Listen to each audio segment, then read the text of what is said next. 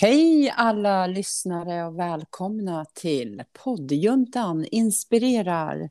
Ny vecka, nytt avsnitt. Anna Bergfors tillsammans med en väldigt nyvaken Mickan. Hej Mickan! Och där kom Gianna också in. Välkomna allihopa. Tackar, tackar. Jaha, eh, Mickan sa just att hon var nyvaken. Klockan är 9.45. Jag har, ska äta, har ätit min andra frukost. Hur är det för dig, Diana? Är du också nyvaken? Eh, nej, gud nej. Jag har eftermiddag. Jag, Emilia vaknade klockan tre i natt. Tyckte Oj. att eh, hon hade, ja, sovit klart. Okej. Okay. Eh, ja, så jag satt uppe mellan tre och fyra och vaggade barn och sen somnade kanske 20 minuter. Sen eh, vaknade jag igen och sen har Emilia varit vaken sedan sex i morse. Ja, men Mickan, du kanske hade dina skäl till att eh, sova länge idag?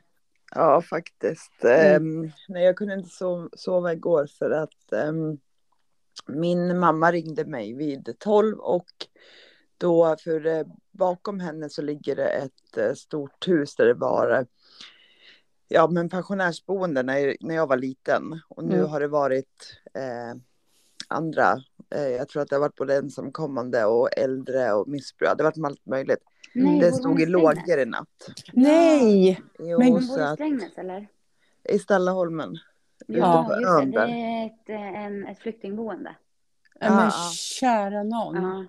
Vet du om någon har kommit till skada, Mikaela? Har Nej, det var, de, har tagit, de kom dit med bussar och eh, tog bort dem. Ja. Ehm, men eh, det var väl fyra i morse, då hade det börjat lugna ner sig. Men alltså, för hon, mm. vi pratade i telefon och så vinklade hon så att jag såg, vi körde Facetime. Ja. Och det, det bara blev en explosion och det där satte sig så att därför hade jag så svårt att somna. Men mm. gud. Liksom innan man visste att de var okej okay och sådär. Ja men precis. Och vilken jäkla tur att ingen människa kom till skada. Ja. Ja, jag förstår. så alltså, Jag kommer ihåg när jag bodde i Skiftingen när jag var eh, liten, eller ja. yngre. Ja. Och då kommer jag ihåg att eh, Erstaskolan som jag gick i, så här, ettan till sexan gick jag ju där, ja. den brann ju ner. Oj! Och vi bodde ju i huset som stod liksom närmast skolan. Och jag kommer ihåg än idag att jag vaknade av att jag trodde att någon såg ner träden på baksidan av huset. Ja. Mm. Det var så här stora typ ekar. Men det var ju liksom ljudet från, alltså när det brinner, att det Nej, sprakar ju och smäller. Och ja. liksom. Men ja. gud. Och det är så här ljud som sitter fast i huvudet. Ja. Som du säger Mickan, att det är så saker som sitter mm. fast än idag. Det här var ju liksom 30 år sedan. Ja. Men, ja, jo, ja. men det går ju liksom aldrig bort. Alltså, Nej. Vissa saker sätter sig. Ja, och ap apropå det så kommer vi ju då direkt in på veckans avsnitt. För vi har ju sagt att vi ska prata om det här med livskriser och kriser. Och det här mm. är ju sånt här som på olika sätt, så självklart kanske störst kris för de som är direkt drabbade, men att man kan påverkas av olika saker, även om man inte är direkt drabbad. Som du Mickan, som hörde liksom, kolla på Facetime och din mammas oro, ja. att du fick liksom bära det. Det är ju också en slags kris i någon mening. Ja. Mm. Men innan vi kör igång veckans avsnitt så eh, vill vi tacka Studiefrämjandet för vårt samarbete med dem. Och mm. för dig då som är ny här, välkommen till poddjuntan Inspirerar. Vi kommer att prata om kriser och livskriser och vi varit ganska inspirerade av våra förra veckans gäster från podden. Nu ska vi se, livskris.ish eller något sånt heter de, eller hur? Mm. Ja som har då ett helt eh, podcast om bara livskriser. Och det, därför finns det ju mycket att, grotta i, kommer vi på. Mm. Så att då tänkte vi prata om det. Har så... du kommit över din frisyr? Alltså, Nej. Du hade ju en liten kris angående ja. din frisyr. Och jag känner så här, kan vi börja där? För jag känner ja. att jag skulle vilja prata med er om den här krisen. För, nu, för jag vill börja med att säga att jag är så kluven inför det här med kriser. Så det är bra att vi ska prata om det. För att jag känner mig lite fånig när jag säger att jag har en kris bara för att jag har en ful frisyr. Alltså det känns så här ytligt. Och, mm, och så tänker jag på ja, kriget i Ukraina och ja. boenden som brinner ner. Där kan vi ju snacka kriser. Men om, om vi börjar då med mig här, med min, ja. lilla, min lilla kris så ja. är det en, det är en minikris. Alltså det är en liten mm. personlig kris som jag vet inte är någonting i jämförelse med alla andra. Men för mig är det faktiskt en liten kris. För att jag är ju så fåfäng som ni vet. Och nu när jag känner att jag inte får till frisyren på ett fint sätt, då känner jag mig inte fin. Ja. Förstår Men ni? du Anna, Nej. jag träffade ju dig i eh, torsdags och Ja. idag är det ju lördag. Ja, Och jag tyckte faktiskt att din, för du sparar ju ut din lugg om jag förstod det rätt. Eller liksom, exakt. Ja, Ja, du vill Ja. ha är liksom hela frisyren egentligen. Men ja. ehm, det är ju luggen som stör eftersom den hänger ner framför ögonen. Men jag tyckte Precis. faktiskt att du har kommit till en längd. Att Ja. du faktiskt kan bara ha det ute nu. Det såg ju jävligt snyggt ut. Lite så här, lite tuffare. Ja, ja, Förstår du vad jag menar? ja, ja, jag fattar. Ja. Ja. Ja, ja, men bra, vad bra att du säger det, för jag känner faktiskt själv att jag är på väg dit, att nu har den här värsta tiden varit att luggen, jag kan nästan lägga det bakom örat. Och sen Ja. vill jag också tacka Mickan för att du har ju skickat, alltså jag är så glad att jag har er. Ja, men du har ju skickat så här videos på folk Mm. som gör fina frisyrer med, med gum, små gummisnoddar och enkla hårspännen, som inte jag ser ut som Anna fem år, utan Nej. faktiskt ganska snyggt. Ja. Ja. Ja. ja. Så att det känns som ni hjälper mig ur den här krisen. Tack. Varsågod.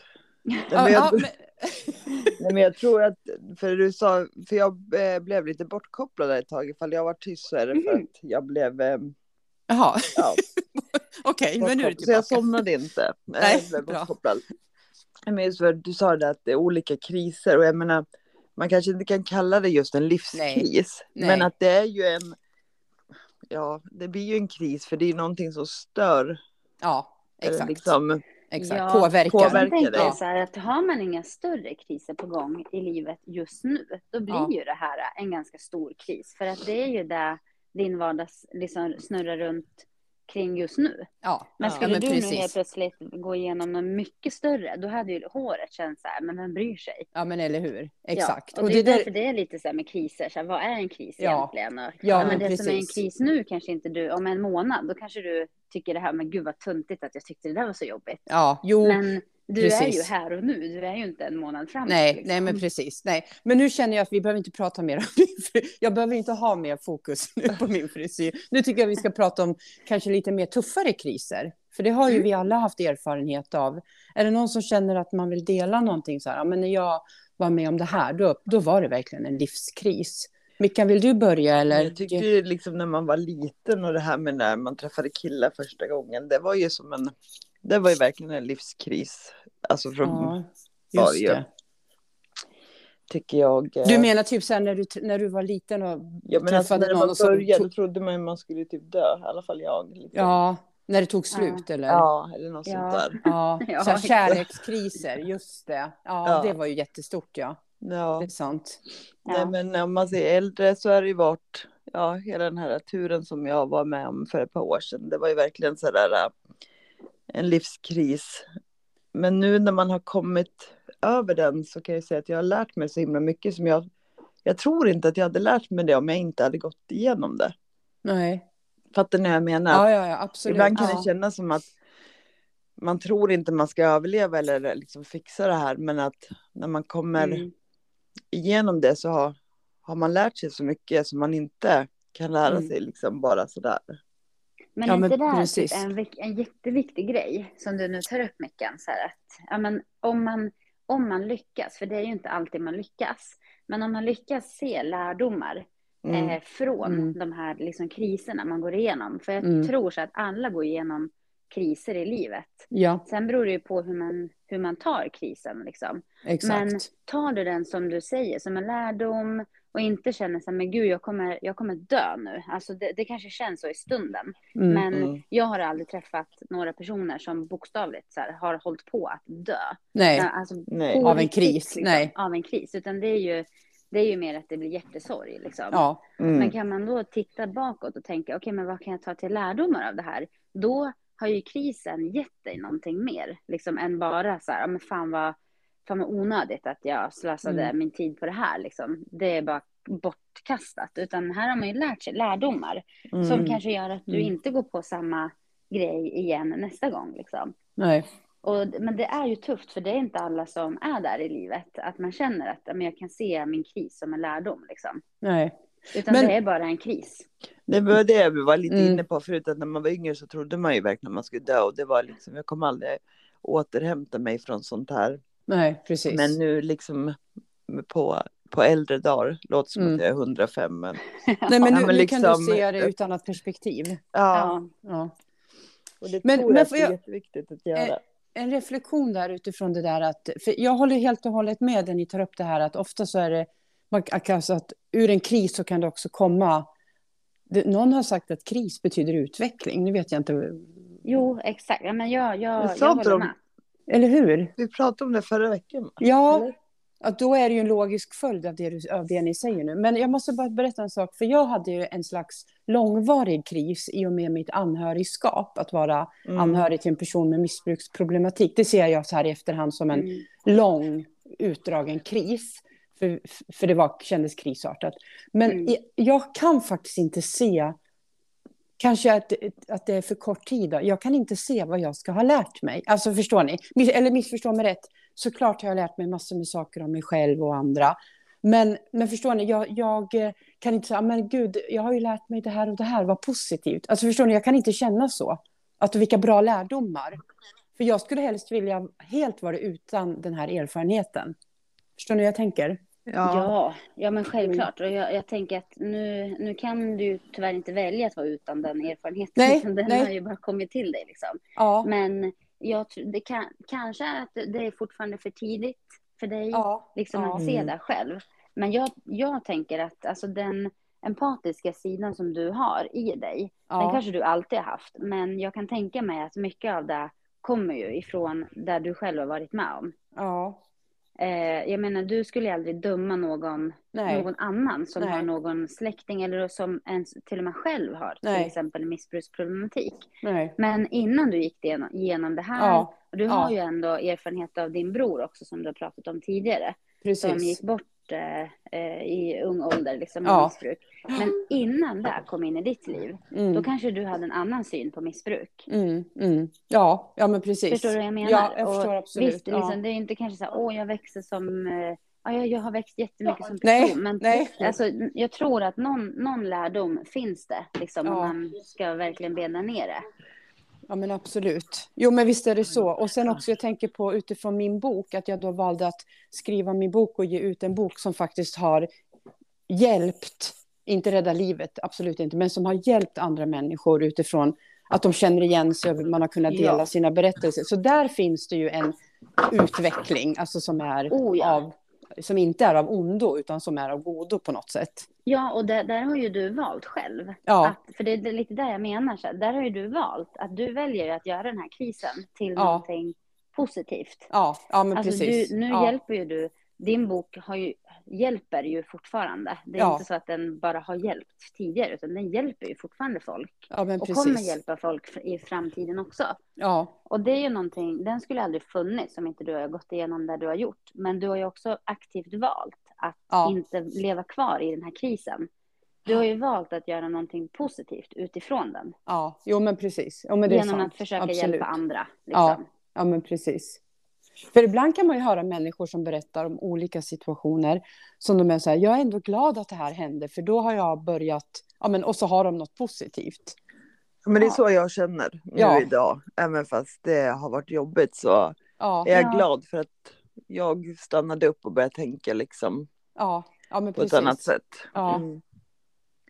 Och det kanske kommer till dig också att du känner det någon dag, Anna. Ja. Sen Ja. är det ju, jag, jag kan tänka mig också att det är lite olika kriser. För den här krisen som du har gått igenom, Anna, den är ju liksom, det är ju, hur ska man säga, det är ju din kris. Ja. Men det är ju inte bara, nej, nej, alltså den är inte bara min. egentligen är det Nej. ju din sons kris. Ja, exakt. Som du har exakt. varit Ja. medberoende i. Ja, men precis. Eh, och det kanske kan bidra till att man ja, har svårare att, eller inte vet jag, så att det tar längre tid att processa eller att det tar längre tid att komma till rätt sida med har du lärt dig någonting? ja, För jag ja, kan men tänka mig att din precis. son har ju ett helt annat Ja, ja, ja, mindset. ja, ja. Ja, men absolut, det är klart. Och sen, Liksom. ja, men precis.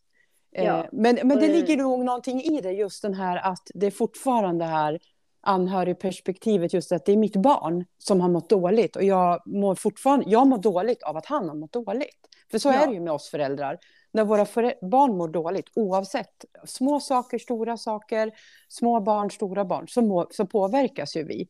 Och det är Ja. lite den där maktlösheten som jag tycker är så här, nej, varför ska det här drabba honom? Han hade förtjänat, men förstår du, han borde haft ett Ja. bättre liv och bla bla bla.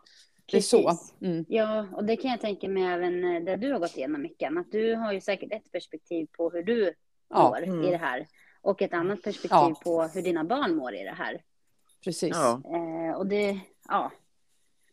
Och det, det, därför, ja, jag vet inte, men jag tänker att det kan ju vara att det spelar in. Ja, Att det har någon absolut. faktor liksom. Mm. Och sen är det ju så himla svårt för att eh, kriser är ju sådär som vi, du nämnde innan. Så här att, ja, en kris för mig behöver inte vara en kris för dig. Exakt. Precis. Och Nej, det är ju alltså. väldigt individuellt. Ja, och det är ju, ja, men det är ju svårt. Mm. Hela, hela konceptet. Ja, verkligen. Men vet ni att det, det finns fyra faser inom en krisreaktion? Nej, vad är det för faser? Eh, först så kommer man till chockfasen. ah, just det. Och ja. den, den, är med, alltså den är mellan en, några minuter upp till tre, tim, eh, tre dygn lång. Okej, ja. Och sen kommer reaktionsfasen, ja. bearbetningsfasen och eh, sen blir det en ny or, orter, orteringsfas. Ja, just det. Ja. Just det. Mm. det där vet jag att när jag, jag hade ju en kris eh, ganska nyligen, eller ja, 2017, i och med min eh, skilsmässa, för det var också kris. Där var jag verkligen, alltså, liksom så här kri, fysiskt reagerade jag. Mm. Eh, eh, på skilsmässan på det sättet att jag mådde så fruktansvärt dåligt. Jag, jag grät typ varje dag i flera månader. Eh, Jag hade mardrömmar, kunde inte sova på nätterna. Jag slutade äta och det har typ aldrig hänt för jag har Mm. god aptit. Jag gick ner nästan, jag tror jag gick ner åtta kilo på ett halvår. Eh, jag mådde så jävla dåligt bokstavligen. Och då vet jag Mickan det där, jag känner igen det där. För då läste jag om det här med att vara i sorg och att vara i kris. Och det Mm. stämde så himla bra för mig, för jag var verkligen i chock. Alltså jag fattar ingenting. När min då exman, som är nu min sambo, sa att vi skulle skilja oss. Från den dagen och typ två, tre månader framåt, jag fattar ingenting. Ni vet, det var så här, jag bara, som att jag var i en bubbla. Och, och jag kommer ihåg min syster Emma, hon bara, men Anna, nu får du skärpa dig. Du måste, jag, hade, jag tog ju inte av mig ringen. Jag kunde inte ta av mig ringen, för jag var så här, nej, jag ska inte skilja Ni vet, jag var så här borta. Ja, Ja. Hon Mm. bara, Anna, han har lämnat dig. Du, jag, och jag var så arg. Jag bara, vad dum du är, Emma. Ja. Vad elak du är. Ja, men typ, jag var jättearg på henne för att hon sa liksom att ja, men du har ju skilt dig för typ tre månader sedan. Då var jag i chock, förstår Mm. jag Ja. ju nu efteråt. Så att jag har gått igenom de där faserna som eh, jag tycker är eh, väldigt eh, talande för hur det kan vara i den här processen. Känner ni igen er i de där processerna? Ja. Ja. Du var också där? Ja. Ni har varit, ja. Ja, det, det är ju så jävla sjukt också. Man tänker att ja, men hjärnan funkar ju på samma sätt. Oavsett liksom. Ja. ja. men stora kriser, små kriser, Ja. långa kriser, korta kriser. Ja, men precis. Ja, Men jag tror ju också att det är viktigt att ha de här faserna. Eller liksom att man kan nog inte skynda sig igenom en, Nej. en kris. För då tror inte jag att det blir, att det behöver ta sin tid liksom. Exakt. ja, Så att, ja Ja. precis. Man måste nog tillåta sig själv att vara, ja, men vara där liksom, i att ja, men må dåligt eller vad det nu kan vara. ja, precis. Det Mm. tror För jag att kunna också. bearbeta. Ja. jo, det, Det känner är lite nytt. Som en natt. Att inte, jag kan ju inte göra någonting och det påverkar ju inte mig att det brinner. Men jag är klart orolig för min mamma liksom. Mm, Förstår mm. att man måste ju ändå, men att, ja. Det blir ju, det blev ju en chock för mig. Sen vet jag inte om man kommer till de andra när det inte är så nära. Men ja, jag tror att man påverkas ju så, så fort det är någonting som ja, men blir för en eller att det är någon nära också. Mm. Liksom. Precis Mm. som med anhöriga och sådär. Ja, men precis. Ja, sen tror jag med så här att, för jag tänker just på det som händer i världen så här. Ja. Eh, där kan jag känna att jag har lite svårt, alltså när jag kollar på eh, tidningen, typ så här, när jag läser tidningen och så, det är klart Ja. att jag blir, jag blir otroligt berörd och tycker Ja. det är hemskt och Ja. ja, men jag har så här svårt att förstå hur man kan Alltså på något sätt har jag till och med svårt att förstå så här, hur du bara kan gå ja. ut och typ kriga ett krig som inte ens är Mm. ditt. Jag menar, Alltså jag menar, jag skulle inte, jag skulle inte vilja så här, hoppa in i ett krig, inte ens om Sverige hamnar i krig. För jag Nej, men det är ju kanske inte jag som har valt Nej. att kriga, nej. nu är det vår regering som har bestämt det här. Ja, men Precis. du för, förstår Ja. vad jag menar? Ja, ja, ja. Men när man läser och så här, jag kan må otroligt dåligt, men jag vill ändå ja, men på något sätt vara uppdaterad, eh, Ja. veta vad som händer i världen. Jag Exakt. försöker kolla på, inte bara så på svenska nyheter, utan kolla lite runt om för att det, det är ju mycket desinformation också. Ja, som precis. finns. Liksom. Ja. Men, men många andra, de vill liksom inte ens läsa om det för att de mår så dåligt. Mm. Och där tänker jag, det är ju olika så här, hur man är som personer. För Ja. det är ju inget fel eller rätt i att ja, men till exempel säga, nej men jag vill inte veta, jag vill inte läsa tidningen för jag mår så dåligt så att jag läser inga nyheter. Mm. Och det är ju inte fel att göra Nej, så. nej, Det är nej. den, den personen Exakt. känner ju att nej, men det här kanske är droppen för mig. Jag Ja. behöver inte ha det här i mitt liv. Liksom. Medan jag då som vill läsa, men jag kanske också har en annan, typ vad ska man säga? Jag har ganska lätt för att eh, inte ta åt mig. Eller inte ta, jag tar till mig men inte åt mig. Förstår ni just, vad jag menar? ja, precis. precis. Eh, och det tror jag också kommer från att man har jobbat så många år med personer som mår väldigt dåligt. Ja, just det. Eh, jag har ändå jobbat, ja vad blir det, tio år kanske, Ja. med personer som mår dåligt. Och då pratar vi om liksom djupa depressioner, eh, om att man har liksom bipolär sjukdom, ja, Ja. manodepressiv.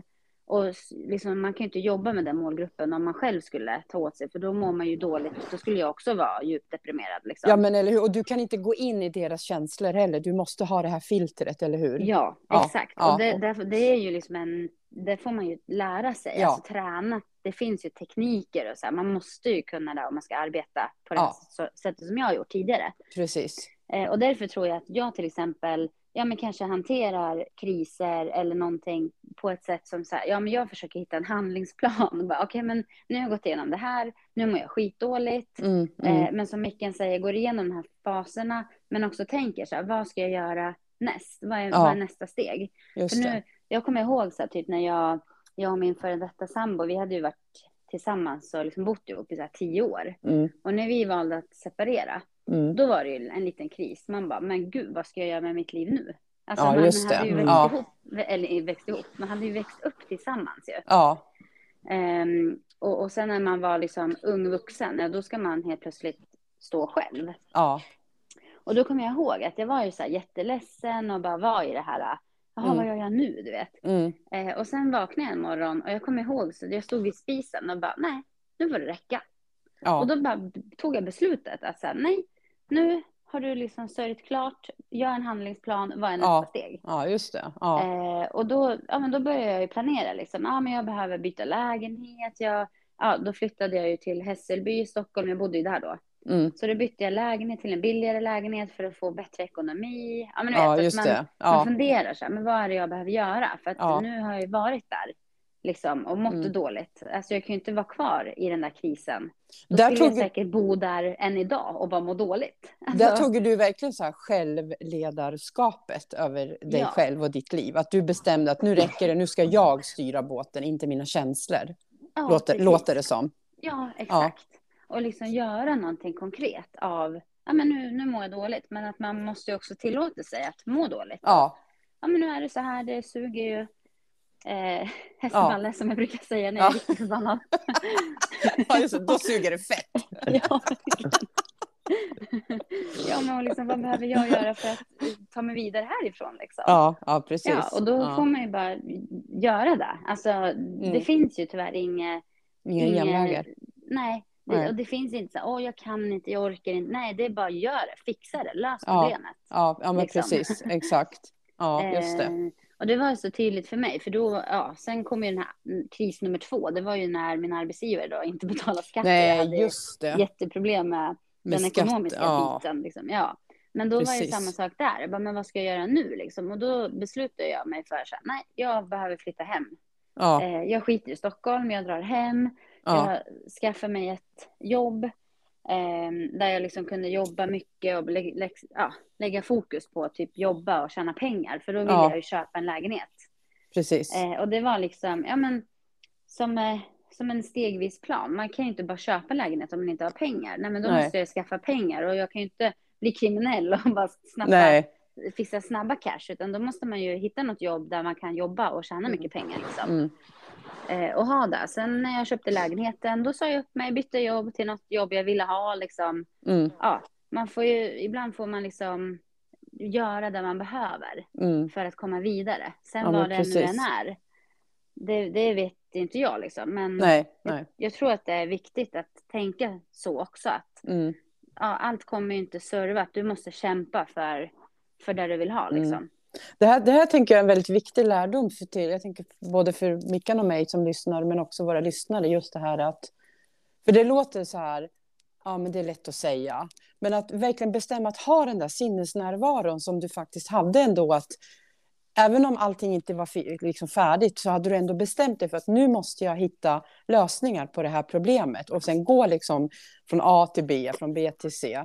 Att, Ja. att man bestämmer sig att nu måste jag det. Och det, det betyder inte att det är lätt. Det är inte det jag säger. Det kan vara eh, svårt om man stöter på hinder. Ja, Men att gud, man ja. inte ger upp. Att verkligen, är, du, är du i en kris, eh, försök att liksom inspireras av det här, du som lyssnar. Att ta Mm. liksom kontrollen. Äg ditt Ja. liv och bestäm att nu ska jag lösa den här situationen även om den har varit tuff. Ja, och håll ut. För jag menar den här eh, korta resan som vi nu pratar om på fyra minuter, det tog ju mig fyra år. Ja men eller hur? Mm. Alltså jag Precis. jobbade på ett eh, jobb jag inte, alltså det var ju inte mitt drömjobb liksom. Nej, nej. Och jag jobbade dygn, alltså dagar, nätter, sovande jour, bara för att jag skulle kunna få så mycket pengar som möjligt i princip. Ja, ja men precis. Ehm, Ja. Och liksom jag jobbade där ett år och nio månader. Mm. Eh, ja, till, så länge jag behövde liksom för att få ihop pengar. Pengarna, ja. Ja, och då, jag menar, det, ja, håll ut, liksom, gör din plan och sen stick to it. Ja liksom. men precis. För det är då precis. man får resultat och det är ju så i allt. Exakt. Träning, kost, alltså de här snabba quick fix, de Ja. finns ju inte. Nej, Och de finns nej. inte i livet heller. Liksom, vill du komma över något, Ja, då måste du hålla dig till planen. Liksom. ja men precis. Just det. Eh, och lite som du brukar säga, Anna, liksom förhandla inte med dig själv, för du förlorar ju den där förhandlingen direkt. Så det är lika Ja. bra, har du en plan, då gör du den. Ja, ja men exakt. Ja, det är sant.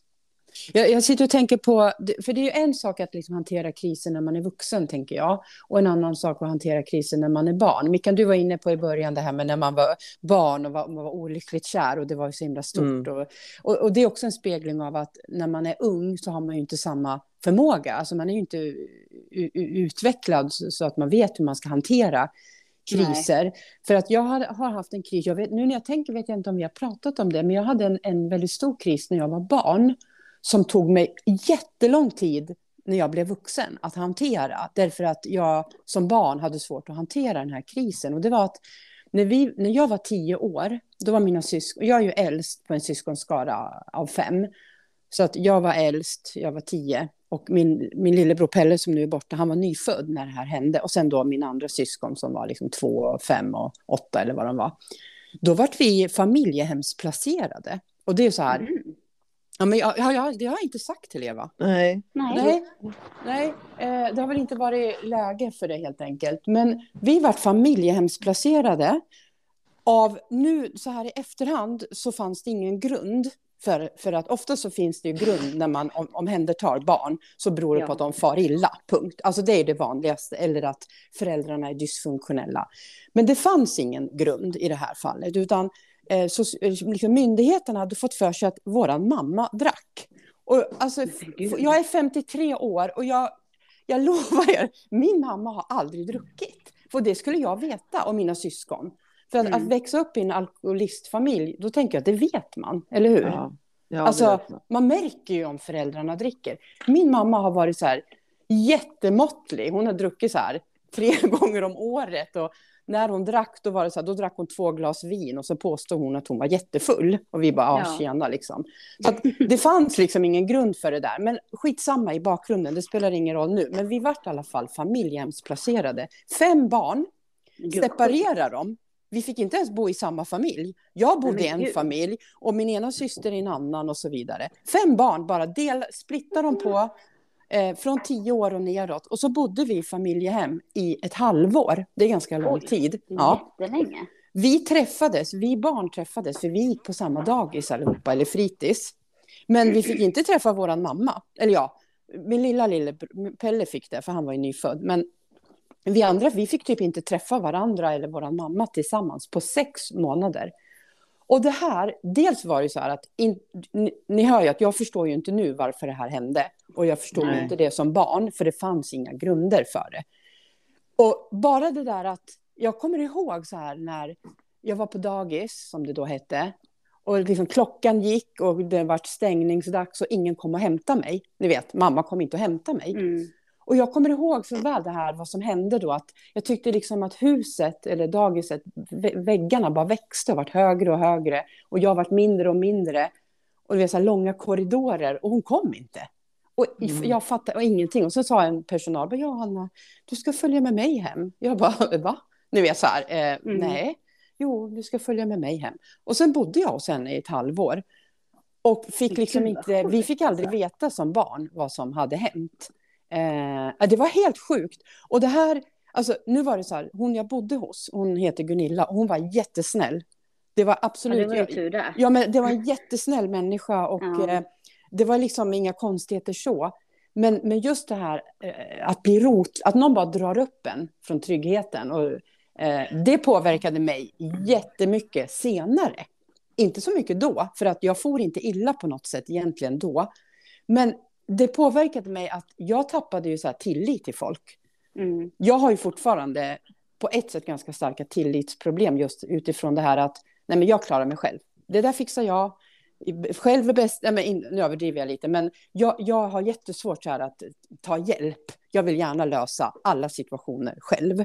Och det mm. beror på att jag, jag är van att lösa alla situationer själv och vet att ja, men då har jag kontrollen. Så det har ju påverkat, nu, nu ska jag inte säga att det påverkar mig så mycket nu, för jag har, har liksom bearbetat det här. Men det var en stor kris för mig länge, just den här tillitsbristen på att helt plötsligt så kan någon bara komma och flytta dig från din trygghet. Mm. Och det påverkade mig mycket eh, då.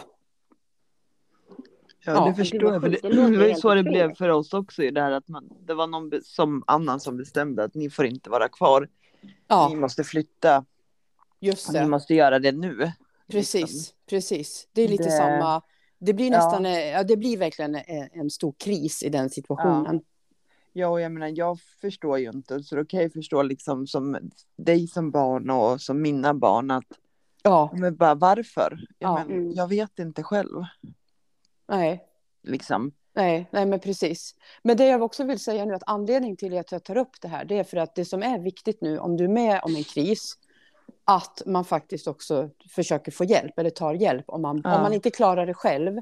Att jag har ju gått i så här samtalsstöd och bland annat pratat om det här väldigt, eh, ja nu är det länge sedan, men jag gjorde det förut för att jag mådde jättedåligt av, av liksom den här förlusten då av trygghet som det innebar just då.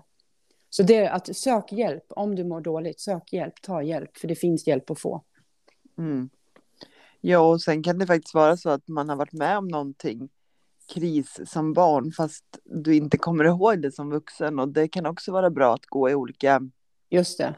Jag menar det finns ju neurofeedback, det finns hypnos, alltså många så andra att ta reda på vad det är som gör att man mår mm. dåligt. För mm. det är mm. inte alltid man vet det heller vad det är för kris liksom som man som barn har gått igenom. Nej, för det kan ju vara så att man är i en situation som barn som man själv upplever som normal, att det har blivit normativt. Ja. Men det är inte normalt. Alltså det nej. förstår man när man är vuxen, att nej, det där var inte okej, okay, eller det mm. var inte normalt. Och så, precis, så det kan ju komma efter, ja. Mm. Ibland mår man ju dåligt fast man inte riktigt vet. Varför? Nej. Nej. Precis. Mm. Men det som är lite kul, eller kul, förlåt, men jag tänker på ditt hår. Ja, Just ja, då när jag gick igenom min den där krisen. Mm. Ja. Alltså jag ändå är, jag sminkar mig och gör mig i ordning varje dag. Ja. Jag, alltså, dels fick inte jag med mig någon hårborste till när Nej, vi blev iväg. Nej. Och jag menar, och de hade inte någon där och jag fick ju, vi fick ju inte gå ut. Så men jag kammade inte mitt hår på två veckor. Är det sant? Ja. ja. Men gud, stackars dig. då liksom... Ja, men, men, det är ju ingen kris så, alltså jag Nej. överlevde ju, men alltså, det var så ovant för mig. Och, Eller hur? Ja, och sen då när jag väl fick mina saker och jag, jag bara så här brukar jag se ut. Ja. De, de bara, bara ja jo vi förstår ju att du har gått här och varit lite deprimerad liksom. Ja, men, men det är att... ju någonting med håret tror jag. För ja. Det kommer jag ihåg nu när du tar upp det Mickan, att jag var ju också så helt, typ, alltså det enda jag kunde fokusera på när jag låg inne på sjukan med Ja, covid, ja. det var ju, då hade jag liksom legat i med andnings, alltså Ja. De här gummisnoddarna. ja. Liksom, jag åkte ju dit med hårtofs. Det var ju, ja, jag har ju ofta hårtofs, framförallt när jag är sjuk. Då vill man ju inte ha håret överallt. Så jag Nej. åker in med hårtofs. Jag blir ju liksom också inlagd två veckor. Eh, och har den här andningshjälpen, den här respiratorgrejen uppkopplad till mig med massa jävla gummisnoddar. Så att den ska ju sitta fast på ansiktet liksom. ja. Ja. Och det enda jag kunde tänka på, eh, även sen när jag var liksom på den här eh, avdelningen när man skulle tillfriskna och det där. Det var liksom så här, kan jag få duscha för jag måste få ut den här, alltså mitt hår. ja. Ja. Det här skatbot till hår, du vet. Och jag kommer ihåg det, jag bara, har ni balsam? Det var typ det enda jag Ja, frågade. Har ni balsam? Ja. Jag bara, nej. Var en sköterska, du, jag ska gå till en annan avdelning och kolla om jag kan hitta balsam. Ja men snälla gör det, hämta balsam. Och gud. så fick jag en sån här plastmugg Ja, med balsam. Med balsam. Och jag bara, jag tar allt. Så Ja. jag hällde på hela, Ja. alltså plastmuggen med balsam på håret för att försöka få ut det här. Ja, Och när jag fick ut tovorna efteråt, jag kände mig så Som en- frisk på något ja. sätt. Mm. som en ny människa. Ja, att man känner så här, åh Ja, gud vad bra, jag har bra hår. ja. Alltså det är ju någonting med energier tror jag som sitter Ja. i håret. ja. Men det kanske Alltså, också det är, är så här att typ. om man, mår, om man är ledsen eller mår dåligt eller är i en kris, alltså så är det ju ofta då in, invärtes, alltså man mår dåligt, man, det här med känslor. Men då Mm. kanske man inte, då kanske det blir extra viktigt att det, man, det som syns, att det inte är för krisartat. Förstår ni? Att det blir någon Ja. slags, man Ja. försöker kompensera att okej, jag mår skitdåligt och är en kris, men det behöver inte synas. Alltså, Ja. håret behöver inte stå på ända eller eh, jag måste få tvätta mig eller sminka mig eller ha, ha fina kläder. Alltså det kanske blir någon slags, förstår ni, kompensation. Eller? Men jag, jo, men jag Det tror tror det jag. att det, man, eh, man sätter upp ett yttre liksom Ja. för att... Ja, och sen när man tänker på det här med näring och sånt, eftersom jag är inne på sånt, Ja, just eh, det. så tänker jag också att så fort du är näringsfattig så syns det ju på håret. Håret Ja, blir just det. slitet, det. blir torrt liksom. Eh, och det tänker jag med kanske när du går igenom en kris, du får mycket stresshormoner i kroppen. Det Ja. bör ju återspeglas på något sätt på håret. ja, men det är sant. Det är sant. Mm. Ja. Så, ja, så lite roligt att, ja men just Alla pratar om hår. Och, ja, men, men då kanske inte min, den här hårkrisen var så, den var ganska allvarlig på ett Ja. sätt då. Eller liksom, Ja. vi ska inte förringa det, det här nu. Nej, Nej, nej, bra. Men hörni, snart ska vi avrunda vårt ja, avsnitt. Mm. Ja, är det fort. känner ni att det är någon mer kris som vi behöver prata om, eller som ni vill dela och som har Jag, påverkat? tänkte, Eller? jag tror man har många, men alltså det, Mm. Vi får ta ett, ett nytt eh, krisavsnitt snart. Ja, vi, vi- vi får göra det. Ja, Precis. det får, det får bli många krisavsnitt. Ja, och är det så att du som lyssnar vill, vill veta mer om kriser så lyssna gärna på livskris, nej, livskris.ish, podden. Ja, För de pratar bara Ja. om kriser. Vi pratar ju om lite olika saker, men de pratar ju bara om kriser. Så om man känner Mm. att ja, men man vill grotta ner sig, då, då kan man lyssna på dem också. Ja, jag vet inte, nu bör- börjar familjen vakna här och vi har ju en Jaha. tradition att spela antingen Right Said Fred, I'm Ja. too sexy eller Anders Glenmark och nu hörde jag Anders Glenmark där ute. Och jag tycker nästan att det är en kris i sig att behöva lyssna på Anders Glenmark måste jag säga. Ja, okej. Ja, det låter Mm. lite krisartat. Det är... Hellre I'm too sexy i så fall. Ja, Ja. faktiskt. Ja, men Mikael, då får du gå och bearbeta den här krisen i din Ja. med din familj. Och Gianna, du ska snart gå och träna tror jag. Ja, jag har pilatesklass snart. Ja, och jag ska Ja. typ gå och lägga mig i min säng och titta på serie och bara softa hela dagen. Åh, fan vad skönt. Alltså jävla härligt. nice. Ja. Ja, sen ska jag, sen ska jag göra pannkakstårta. Nej, vad mysigt. Ja. Mm. Ja. Det, det känns jättebra. Ja, Vad är det för dag idag? Lördag. Ja, Mm. Ja, bra. så eh, för er som är nya lyssnare, som sagt, vi spelar ju in några dagar innan, så, eh, men idag är det ju då, när det här avsnittet släpps, så är det måndag den, Mm. vad blir det, 10 april kanske? Eller något sånt. Ish. Ja. Ja. Nej, 11 till och med. Måndag den 11 april. Ja, men eh, Ja. ska vi säga tack och hej? ja, Det det tycker jag. Ha det så Ha det- bra. Ha det så bra, hej då! Tack så mycket. Hej då.